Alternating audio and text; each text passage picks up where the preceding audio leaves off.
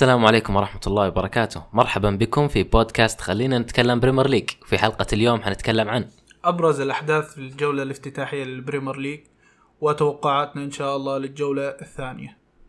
طيب راح نبدأ الجولة الافتتاحية في أرسنال يوم الجمعة الماضية. آه أرسنال بدأ بداية قوية في الشوط الأول مع ضد فييرا أسطورة من أساطير أرسنال السابقة يقابل فريقه السابق أرسنال. آه أداء مميز من فييرا الموسم الماضي. وكيف كنت تشوف الأداء ضد كريستال بالاس العنيد؟ ال- أشوف أنا في مباراة أرسنال كان هناك مكتسبات كبيرة وكثيرة لنادي أرسنال. انه حقق انتصار في الجولة الافتتاحية في أرض كريستال بالاس اللي في نهاية الموسم الماضي كان من أصعب الملاعب. كريستال بالاس اللي مرت عليه عشر جولات تقريبا بدون ما يتلقى أي هزيمة في هذا الملعب. أعتقد إنه مكتسب كبير لمايكل أرتيتا إنه يخرج بالثلاث نقاط وشباك نظيفة. أيضا اللاعب ويليام سليبا اللي حصل على رجل المباراة اللي أعتقد إنه كان أهم مكتسبات أرسنال في هذه المباراة لأنه اللاعب كان في ضغوط كبيرة وضغوط كثيرة وكلام كثير على إنه أرسنال استعجل في رجعته لل Premier League لكن اللاعب رد على هذه الشكوك من أول لقطة في المباراة مع ويلفريد زاها. طيب آه، وش رأيك بالأداء اللي قدمه جابرييل خيسوس بافتتاحية الدوري؟ وزينشينكو اللي بصراحه أبهرني بالمباراة الأولى يعني أنا توقعت إنه ظهير عادي آه، لأنه كان بمنظومة السيتي المدججه بالنجوم صراحة. يعني السيتي هو كان احتياط لكانسيلو وكلنا شايفين يعني إيش كانسيلو يسوي بالدوري. وإيش قاعد يسوي مثلا بالمنتخب البرتغالي؟ آه، اللي شفناه من زينشينكو يعتبر آه، مكسب كبير لأرسنال. إيش رأيك بالاداء اللي سواه جابرييل خيسوس وزينشينكو بالضبط؟ صحيح أعتقد إنه صفقتين جابرييل خيسوس وزينشينكو تؤكد قوة آه، مايكل أرتيتا في التعاقدات ونجاحه في اختيار اللاعبين المناسبين لتشكيلة أرسنال وللمنظومة الجديدة للفريق. طبعا هذا عكس سولشاير اللي راح. إيه. آه خلينا ننسى الحمد لله إن افتكينا منه من الدوري الإنجليزي وما نشوف العك وإن شاء الله نشوف مانشستر يونايتد آه يبدع إن شاء الله. بنشوف راح نوصل لمانشستر يونايتد. آه طبعا الإحصائية مثل ما نشوف إن بين أرسنال وكريستال بالاس آه الإحصائية بنهاية المباراة 56 استحواذ لكريستال بالاس. يعني مثل ما تشوف نهاية المباراة تقريبا أو أول ربع ساعة من الشوط الثاني بعدها كريستال بالاس كان خطير جدا ضد أرسنال صحيح هذا الشيء يؤكد أيضا ليس على ضعف أداء أرسنال بل على قوة باتريك فييرا ومنظومة كريستال بالاس. باتريك فييرا من استلامه للفريق الموسم الماضي ويقدم نتائج ومستويات رائعة جدا. ملعب السيلهرست بارك كالعادة يكون ملعب صعب جدا على الخصوم. فعلا يعني معظم خلينا نقول مشجعين الدوريات الأخرى يشوفون الفرق الكبرى تخسر من هذه الفرق الصغيرة هم ما عندهم دراية من مثلا كريستال بالاس ولا برايتون ولا فولهام. ذول الفرق كيف يفوزون أو يتعادلون ضد فرق كبيرة مدججه بالنجوم ومرعبين في دوري أبطال أوروبا. هم ما يدرون إن في quality عالي جدا باللاعبين الدوري الإنجليزي. وطبعا هذا نقدر نشوفه بالأسعار الخرافية والخيالية مثل ديكلان رايس. مطلوب فيه 150 مليون. أظن إن هذا صعب تقريبا المبلغ إنه يدفع فيه أي لاعب. ممكن بالمستقبل مثل ما نشوف بجريليش اندفع عليه 100 مليون. فمباراة أرسنال يعني كانت مباراة ممتعة ببدايتها وتناغم المنظومة. مثل ما نشوف إن فريق صراحة أنا أتوقع مع إنه صعب توقع ال- ال top four خلينا نقول أو المركز الرابع والثالث والخامس خلينا نقول. يعني حتى الخامس مو الفرق يعني مركز لا يؤهل لدوري أبطال أوروبا بس صعب توقع مين راح يكون. أرسنال يعني راح يكون منافس قوي للمركز الرابع أو المراكز المؤهله لدوري أبطال أوروبا مع أرتيتا والمنظومة الجديدة صراحة يعني. أه نشوف انه مثلا بالإحصائية ال tot- ال total shots أه 10 لأرسنال و10 لكريستال بالاس. وش تشوف هذا الموضوع؟ انه مسجل يعني أرسنال سجل هدفين من أصل 10 شوتات فقط على المرمى. صحيح. لما تتكلم عن أرسنال آه، في مبارياته التحضيرية للموسم كان فريق مختلف كليا. في مباراة كريستال بالاس كان فريق أقل ما يقال عنه متراجع بشكل كبير ومتحفظ كثير خصوصا في الشوط الثاني. مايكل أرتيتا كالعادة يضمن الثلاث نقاط في هذه المباريات.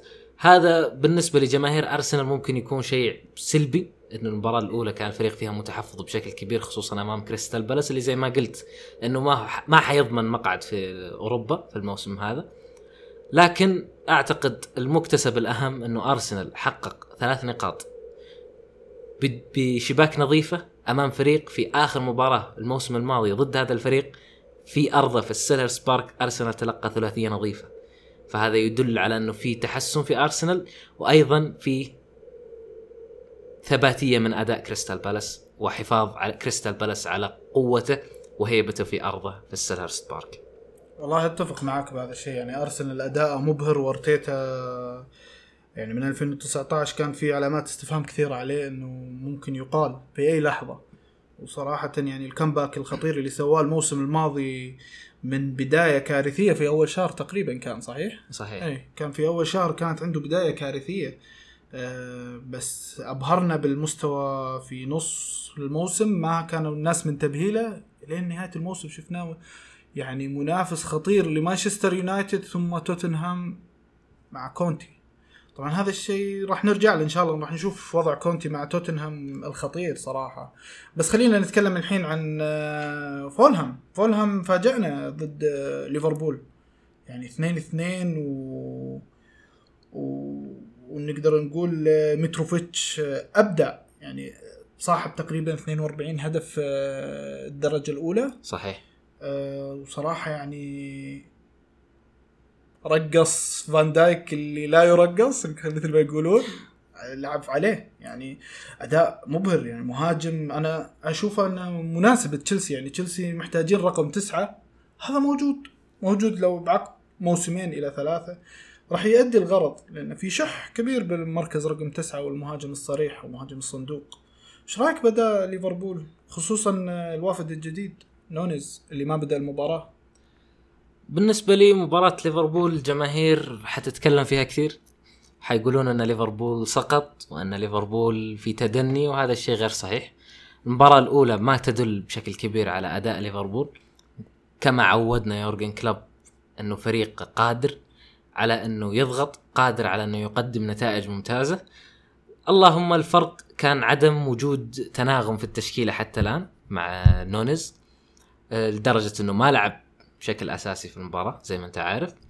أيضا في بداية الجولة كان في تساهل كبير جدا من ليفربول أمام فولهام وعدم احترام للخصم. وهذا كلفهم ثلاث نقاط ثمينة جدا في بداية الدوري. ألكسندر متروفيتش. أي نعم هو إيه. ألكسندر متروفيتش. قدم مباراة عظيمة جدا أثبت للعالم أن رقم تسعة المهاجم الصريح لا زال في احتياج في كرة القدم والنظريات الجديدة في استحداث كرة القدم بأنه ما تحتاج مهاجم أمر غير صحيح ومتروفيتش أثبت هذا الشيء وبشكل واضح أمام ليفربول في المباراة. لكن ليفربول لازم ما ننسى أنه هو حقق الدرع الخيرية أمام السيتي وليفربول ما زال يمتلك أهم عناصر محمد صلاح وأيضا فان دايك وأيضا الحارس اللي أنا أعتبره حاليا الأفضل في العالم أليسون طبعا أنا من محبين ديخيا بس آه، التشكيلة اللي مع أليسون خارقة صراحة. خط الدفاع آه، من فان دايك إلى ماجواير صراحة. يعني أنا من عشاق الإسباني ديخيا آه، صلاح أدواره تغيرت من الهداف إلى ممر الكرات. لعب ليفربول اللي لازم يوقع عليه صلاح للصناعة. صلاح في اعتقادي الشخصي ما زال هو صلاح الهداف. صلاح النجم الأول في ليفربول. آه، لكن اللاعب النجم واللاعب الأسطوري في الفريق واللي يقود الفريق لازم يعرف إنه مو فقط لازم يسجل أهداف لازم يصنع ولازم أيضا يسمح للاعب مثل نونيز إنه يدخل في أجواء ال Premier League يدخل في أجواء الكرة الإنجليزية. ولازم يعطيه الفرصة أكثر إنه ينضم إلى المنظومة الجديدة لليفربول. بعدها محمد صلاح يرجع لعاداته الملك المصري. يبهرنا كالعادة. آه هو فعلا يعني صلاح يعني حتى وضع ال assist ووضع بصمته بهدف متبادل طبعا يعني assist لداروين نونز وداروين نونز assist لصلاح. أنا أشوف مثل ما أتفق معك ليفربول مرعب مع إنه في خبر إن تياغو ألكانتارا مصاب إلى ست أسابيع. وكلوب آه، قال إنه راح نتعامل مع التشكيلة كما هي وبالوقت الحالي ما أظن آه، على حسب ما فهمت من كلامه إنه مو ناوي يتعاقد مع خط وسط جديد لاعب جديد. أعتقد إنه هذه هي سلبية كبيرة جدا اعتدنا عليها في آخر ثلاث سنوات من يورجن كلوب. هذه السلبية هي اللي كلفته الدوري في مرتين متتالية أمام بيب جوارديولا إنه يورجن كلوب يرفض إنه يأتي بتشكيلة احتياطية تنافس. الفريق يخسر لاعب واحد يخسر المنظومة كلها وهذا يؤدي إلى خسارة نتائج كثيرة. أيضا استمرار المدرب على جيمس ميلنر وجوردن هندرسون اللي يوضح بشكل كبير في الفترة الماضية على الأقل أن اللاعبين المحاطين بهم تعدوهم بمراحل هم ما زالوا في الخلف. صح فعلا يعني فابينهو مثلا مختلف تماما عن هندرسون. بس يعني ميلنر يعني لو نبي نتكلم عن ميلنر هندرسون أفضل من ميلنر بكثير. يعني ميلنر أنا متفاجئ كيف جددوا له عقده ومستمر بليفربول. أعتقد سبب وجوده في ليفربول هو السبب الرئيسي لقدومه لليفربول أصلا هو انه لاعب متعدد الأدوار وأيضا يقبل البقاء في دكة الاحتياط بدون أي مشاكل بينه وبين الإدارة والمدرب. صحيح هو بدون وجع راس. صحيح. يلعب on call هو on call نعم. طيب آه، كونتي بداية قوية بالدوري الإنجليزي برباعية على ساوثهامبتون ضعيف. وساوثهامبتون دائما ياكل التسعة والعشرة وال... صحيح. بس بداية قوية يعني من ناحية تكتيكية من ناحية آه، سيطرته على المباراة واستقبال الهدف الأول أول فريق يستقبل الهدف في المباراة كان توتنهام من جيمس وورد. وردة فعل قوية كانت من آه، كونتي.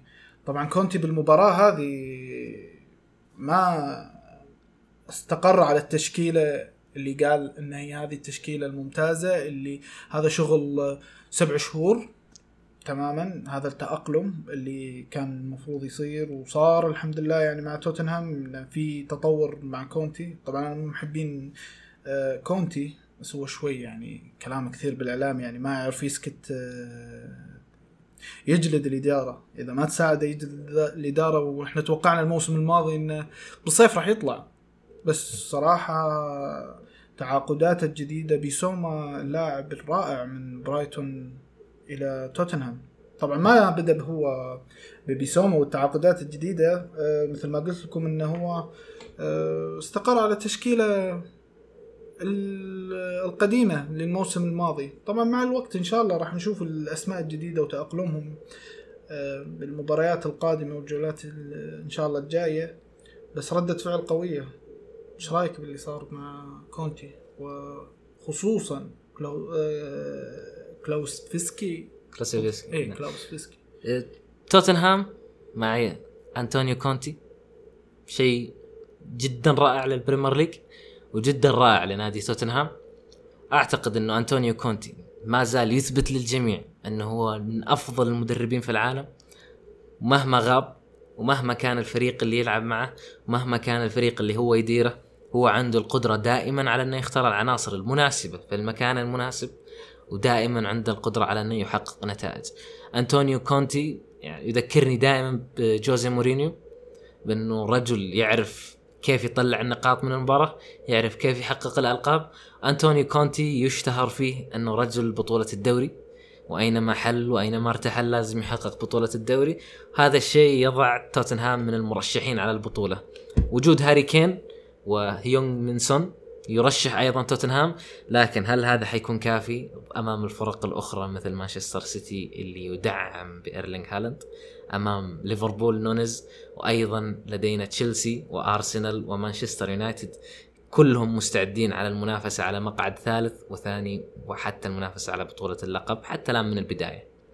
وطبعا أنا بتكلم عن نقطة صارت آه، سون كان في المباراة على غير طبيعته كان أناني بشكل مو طبيعي. يعني في أكثر من لقطة كان يقدر يباص الكرة لكين وكان يقرر قرارات آه، بايخة صراحة وفيها رعونة كبيرة جدا.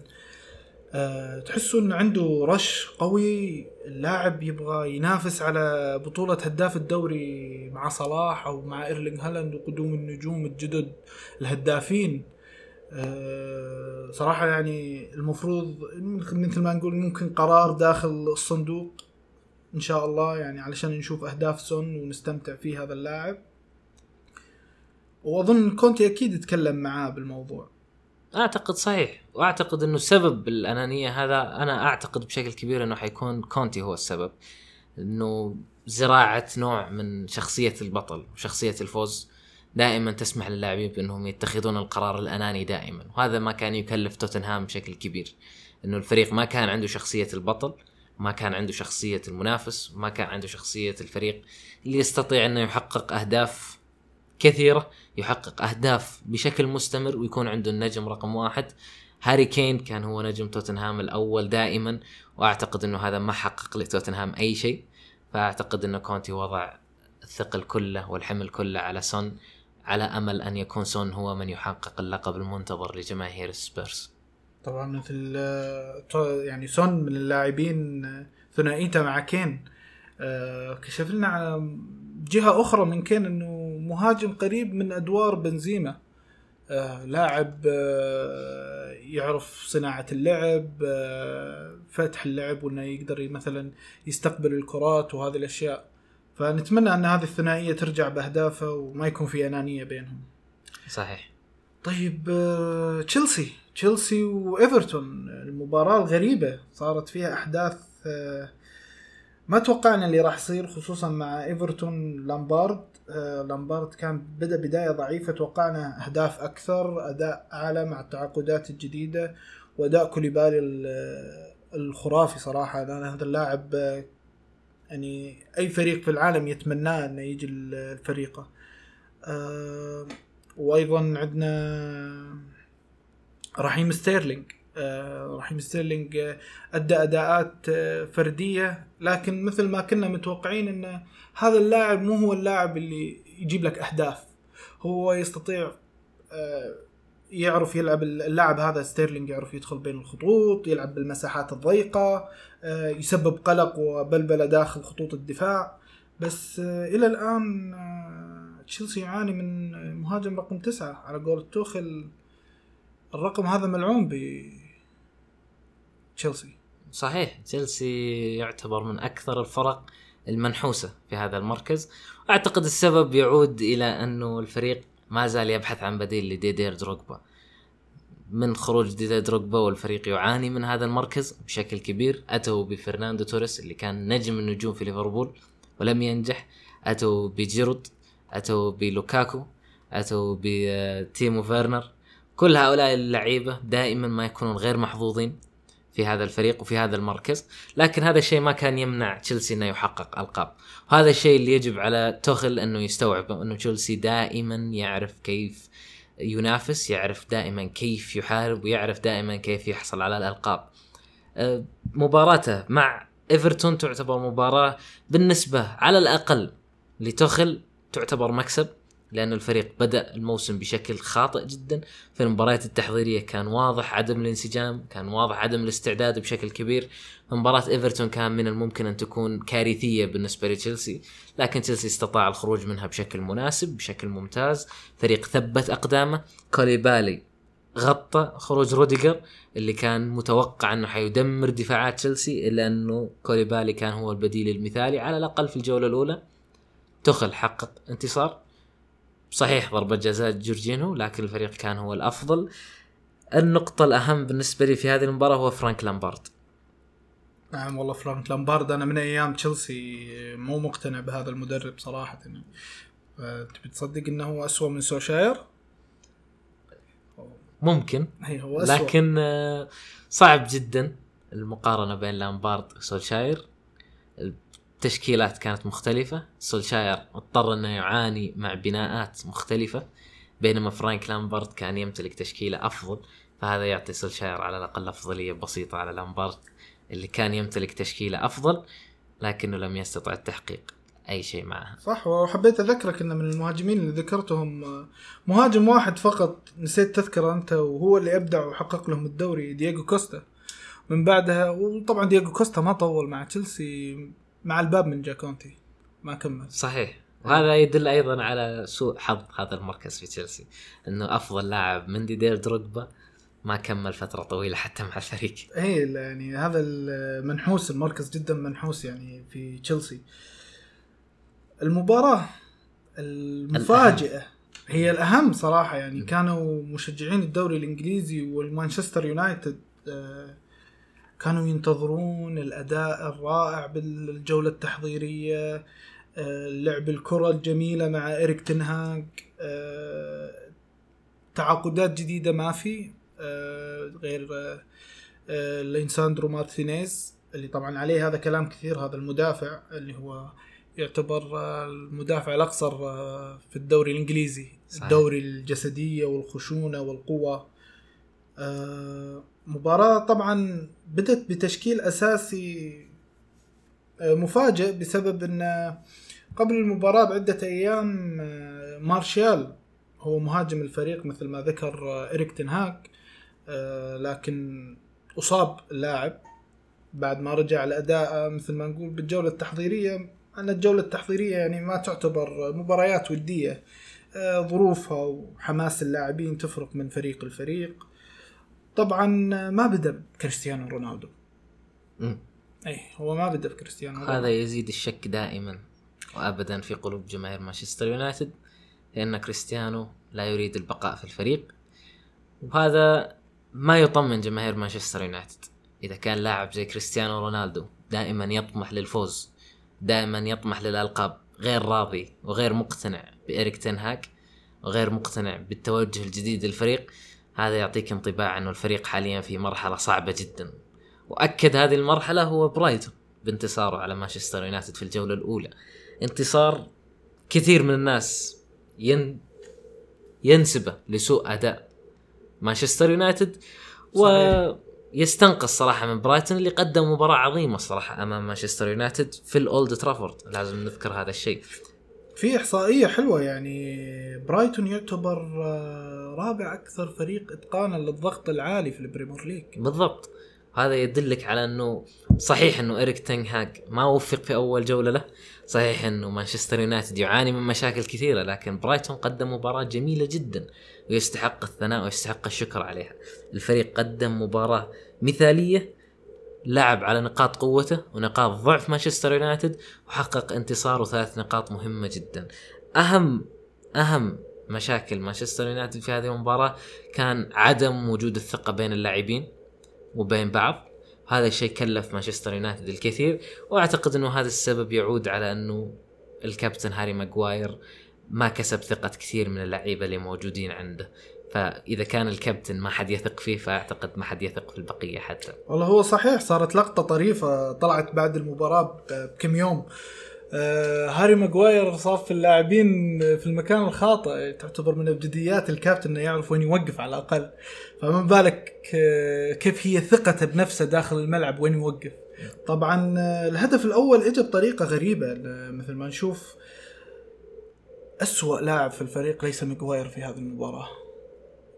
أصدق لا تصدق يعني إن هذه يعني هذا شيء غريب للعادة بس ماجواير حط بصمته بالمباراة. يعني لازم بهذا الهدف. طبعا كان أسوأ لاعب بالفريق سكوت ماكتومني. آه هذا اللاعب يعني أنا متفاجئ إنه كيف من أيام مورينو إلى الآن متواجد بالتشكيل الأساسي. لاعب كبير بالعمر يعني مو صغير أو شاب عمره 25 سنة.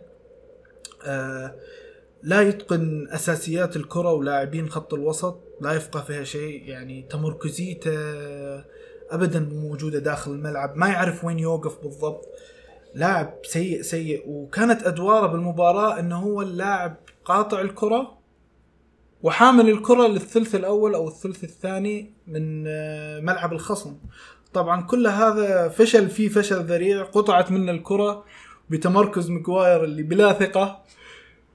اتى الهدف الأول. صحيح. مانشستر يونايتد. قصة لا تنتهي حتى الآن. فريق يعاني ثباتية على أسماء غريبة جدا. لاعيبة زي سكوت ماكتومناي ما زالت مستمرة. لاعب زي هاري ماجواير ما زال ماسك كابتنية الفريق. أعتقد أنه الفريق لن ينجح إلا إذا بدأ يقتنع بأنه بعض الأحيان لازم تتخلص من اللعيبة الخطأ. ولازم تعترف أنك أخطأت. أعتقد إنه في الموضوع مكابرة من إدارة مانشستر يونايتد إنه دفعنا 80 مليون على اللاعب لازم يلعب. هو أظن هذا الشيء اللي قاعد يصير يعني إن مبلغ مو قليل باسوء مدافع بالعالم يعني أظن مانشستر يونايتد قاعد ينافس بصفقات هي الاسوء بالعالم. مثل ما يسوي مانشستر سيتي عكسه تماما إنه يبرم صفقات مع أفضل لاعبين العالم. فشوف القطبين مانشستر يتعاملون بالعكس. كما هي طبيعة الأقطاب. طبعا لكن آه، لازم نذكر الإيجابيات في أداء مانشستر يونايتد اللي هو كريستن إريكسون اللي كان هو نعم، لاعب ممتاز جدا وأثبت للجميع أنه صفقة ممتازة لمانشستر يونايتد وأنه في تحسن في الفريق. على الأقل هذه الإيجابية الوحيدة في الجولة الأولى بالنسبة لمانشستر يونايتد. خسارة ثلاث نقاط عدم حصود حتى نقطة في الأولد ترافورد. في الجولة الافتتاحية أمور غير مرضية لجماهير مانشستر يونايتد لكن أعتقد في الوضع الحالي مانشستر يونايتد عنده مشاكل أكبر من ثلاث نقاط أمام برايتون. طبعا إحنا نشوف إريكسون وثنائك عليه إن اللاعب هذا طبعا بعد 78 دقيقة قرر إريك تنهاج إخراج الكارثة سكوت ماكتوميني وأرجع إريكسون إلى مركز قاطع الكرات وأبدع فيه إبداع يعني مكتومنا لو يقعد عمره كامل ما يوصل لهذا الأداء. يعني شوف السوء. طبعا أنا استغربت من كنت أشوف المباراة إن كيف إريك تنهاج يعني قاعد ينتظر 78 دقيقة. أنا كنت متوقع بين الشوطين ينزله مثل كريستيانو رونالدو.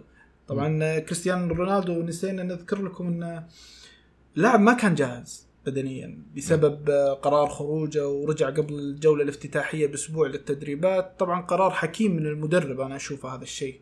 صحيح. وإن شاء الله يعني مثل الأخبار اللي طالعة من ريك تنهاك طبعا من المدربين اللي ما تاخذ منه حق ولا باطل بالمؤتمرات الصحفية. بس يعني من الكلام اللي فهمناه إنه ممكن يلعب الجولة الجاية ونشوف أسطورة من أساطير كرة القدم يعني يرجع للملاعب بشكل أساسي. صحيح. لازم نذكر أيضا الإحصائية المهمة جدا. داني ويلبك كالعادة في الأولد ترافورد أمام مانشستر يونايتد يقدم أهداف للعيبة إما يسجل أو يصنع كان هو صانع الهدف. الأول لباسكال جروس اللي هو محور الفريق اللي مسجل هدفين أمام مانشستر يونايتد. طبعا باسكال جروس هذا أخذ مانشستر يونايتد رايح جاي. ويا حظ اللي حاطه في ال Fantasy. أي أيوة والله يا حظه. آه سيتي بطل الدوري. ممكن يكون بطل الدوري للمرة الثالثة على التوالي. يكسر رقم آه السير أليكس فيرجسون بهذا الشيء. صحيح.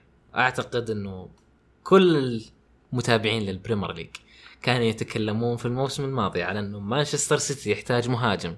مانشستر سيتي يحتاج مهاجم. مانشستر سيتي يحتاج بديل لسيرجيو أغويرو. والبديل أتى وأتى وبقوة بهدفين في الجولة الأولى. إيرلينغ هالاند يصنع فوز مانشستر سيتي في لندن ستاديوم أمام ويست هام. هدفين في هدف في كل شوط. أعتقد إنه إنجاز عظيم جدا في أول جولة استفتاحية لهذا اللاعب. تعاقدات السيتي صراحة يعني كانت مدروسة. أنا أذكر آه، تكلمنا عن الموضوع بيناتنا إن إيرلينغ هالاند نجاحه كله يعتمد على إنه لا يصاب. صحيح. إذا إذا أصاب يعني اداءه في دورتموند كان ممتاز جدا بس إنه كانت الإصابات هي المؤثرة عليه وكان يرجع من الإصابة منفجر تماما ويسجل لك الأهداف ويصنع ونشوف إيرلينغ هالاند الدبابة البشرية داخل الملعب. بس تعاقدهم ذكي جدا إن تعاقدوا مع إيرلينغ هالاند وبديله. صحيح. جوليان ألفاريز يعتبر من اللاعبين الممتازين بالعالم بخط الهجوم اللي يعني الواعدين إن شاء الله. إن نشوف منهم أهداف و آه، دقائق أكثر إن شاء الله يعني بين ال rotation البيب جوارديولا اللي متعود عليه. صحيح وأعتقد إنه هذه هي نقطة قوة مانشستر سيتي إنه دائما يجلب تشكيلة ثانية. كان الفريق يحتاج مهاجم السيتي جاب لك مهاجمين.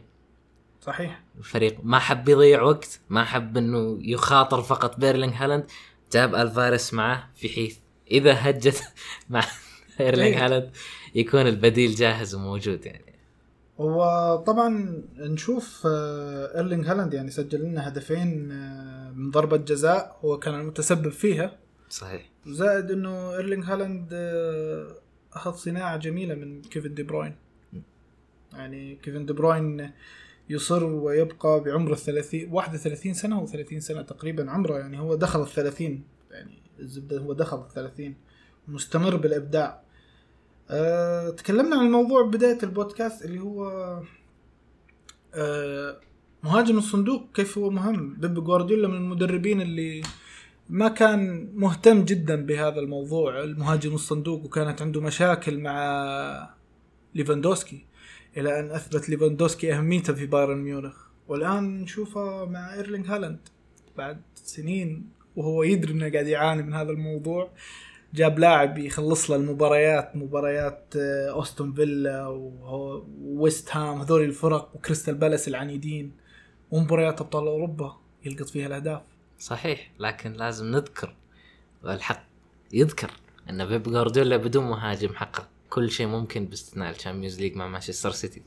هذا يدل على إن الأسلوب اللي اتبع بيب جوارديولا دائما كان ناجح دائما كان متفوق والآن بيب جوارديولا عودنا كالعادة إنه هو أكثر مدرب يغير أسلوبه ليحقق انتصارات.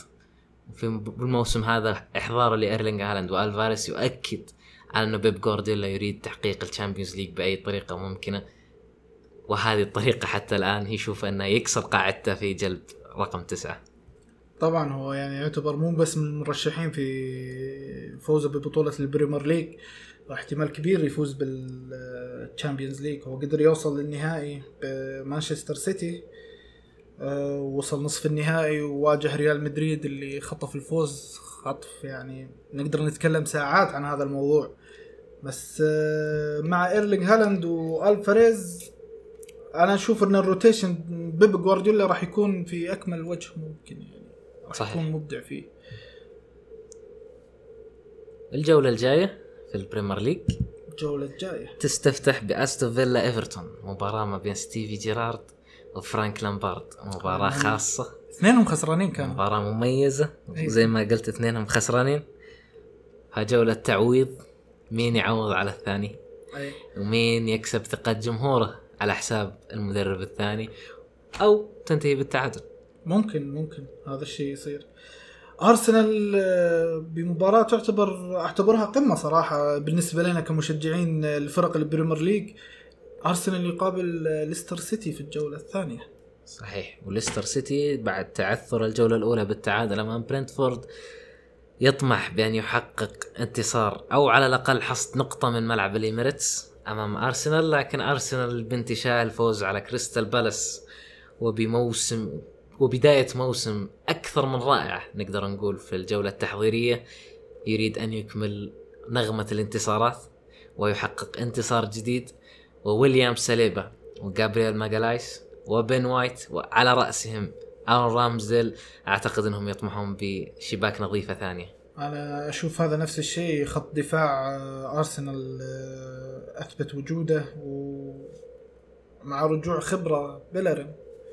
أيضا بتشكيله الاحتياط راح يكون موجود حاضر للفريق برايتون ضد نيوكاسل. برايتون ونيوكاسل مباراة حلوة. برايتون يبغى يكمل انتصاراته ويثبت للجميع أن انتصاره على يونايتد كان بقوة منه وليس ضعف لمانشستر بينما نيوكاسل فريق والحدث الأهم حاليا في ال Premier League. الصفقات السعودي الشارع السعودي بعد. والشارع السعودي أيضا ما ننسى هذا الشيء. نيوكاسل يريد أن يستمر ويستمر ويستمر في حصد النقاط وارتفاع قيمته في سوق ال Premier League. أعتقد إن نيوكاسل يمتلك الأفضلية هذه نيوكاسل قاعد تطبخ على نار هذه يعني خلال خمس مواسم يعني صندوق الاستثمار السعودي اشترى فريق في وقت اللعب المالي النظيف عكس مانشستر سيتي وباريس سان جيرمان. فهذه تحدي كبير وأنا واثق إن شاء الله يعني راح نشوف نيوكاسل من الفرق الكبيرة في ال Premier League يعود يعني لمنصات التتويج إن شاء الله. نعم وأنا مقتنع بهذا الشيء خصوصا باختيارهم إيدي هاو كمدرب اللي أنا كنت معجب جدا في هذا المدرب صراحة وبإنجازاته وبتجربته خصوصا مع بورنموث اللي كانت تجربة جدا مثالية مع هذا الفريق ساعدهم في تحقيق إنجازات كثيرة صراحة. إيدي هاو من المدربين جدا ممتازين وجوده حتى الآن في نيوكاسل يعتبر اختيار مناسب جدا. الفريق أمام برايتون حيكون مباراة جدا قوية برايتون لن يتنازل لن يستسلم خصوصا أن المباراة في أرضه لكن ما زلت أضع نيوكاسل مرشح لثلاث نقاط في هذه المباراة. برايتون خطير وراح تكون المباراة يعني من المباريات الجميلة اللي اللي أتمنى وأشجع إن الواحد يقعد يشوفها. آه، طبعا بنفس الوقت آه، في مباراة السيتي بورنموث آه، هذه راح تكون مباراة سهلة إن شاء الله يعني السيتي ما تدري بورنموث حقق انتصار. في الجولة الأولى بهدفين نظيفة أمام أستون فيلا أمام ستيفن جيرارد.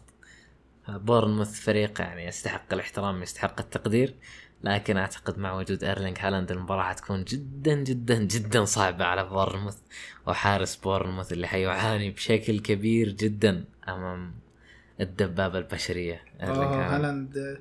انصحكم تحطونه وتكابتنونه بال Fantasy. نقاط مضمونة هذه. تقريبا. اي نقاط مضمونة. آه مانشستر يونايتد ضد برنتفورد.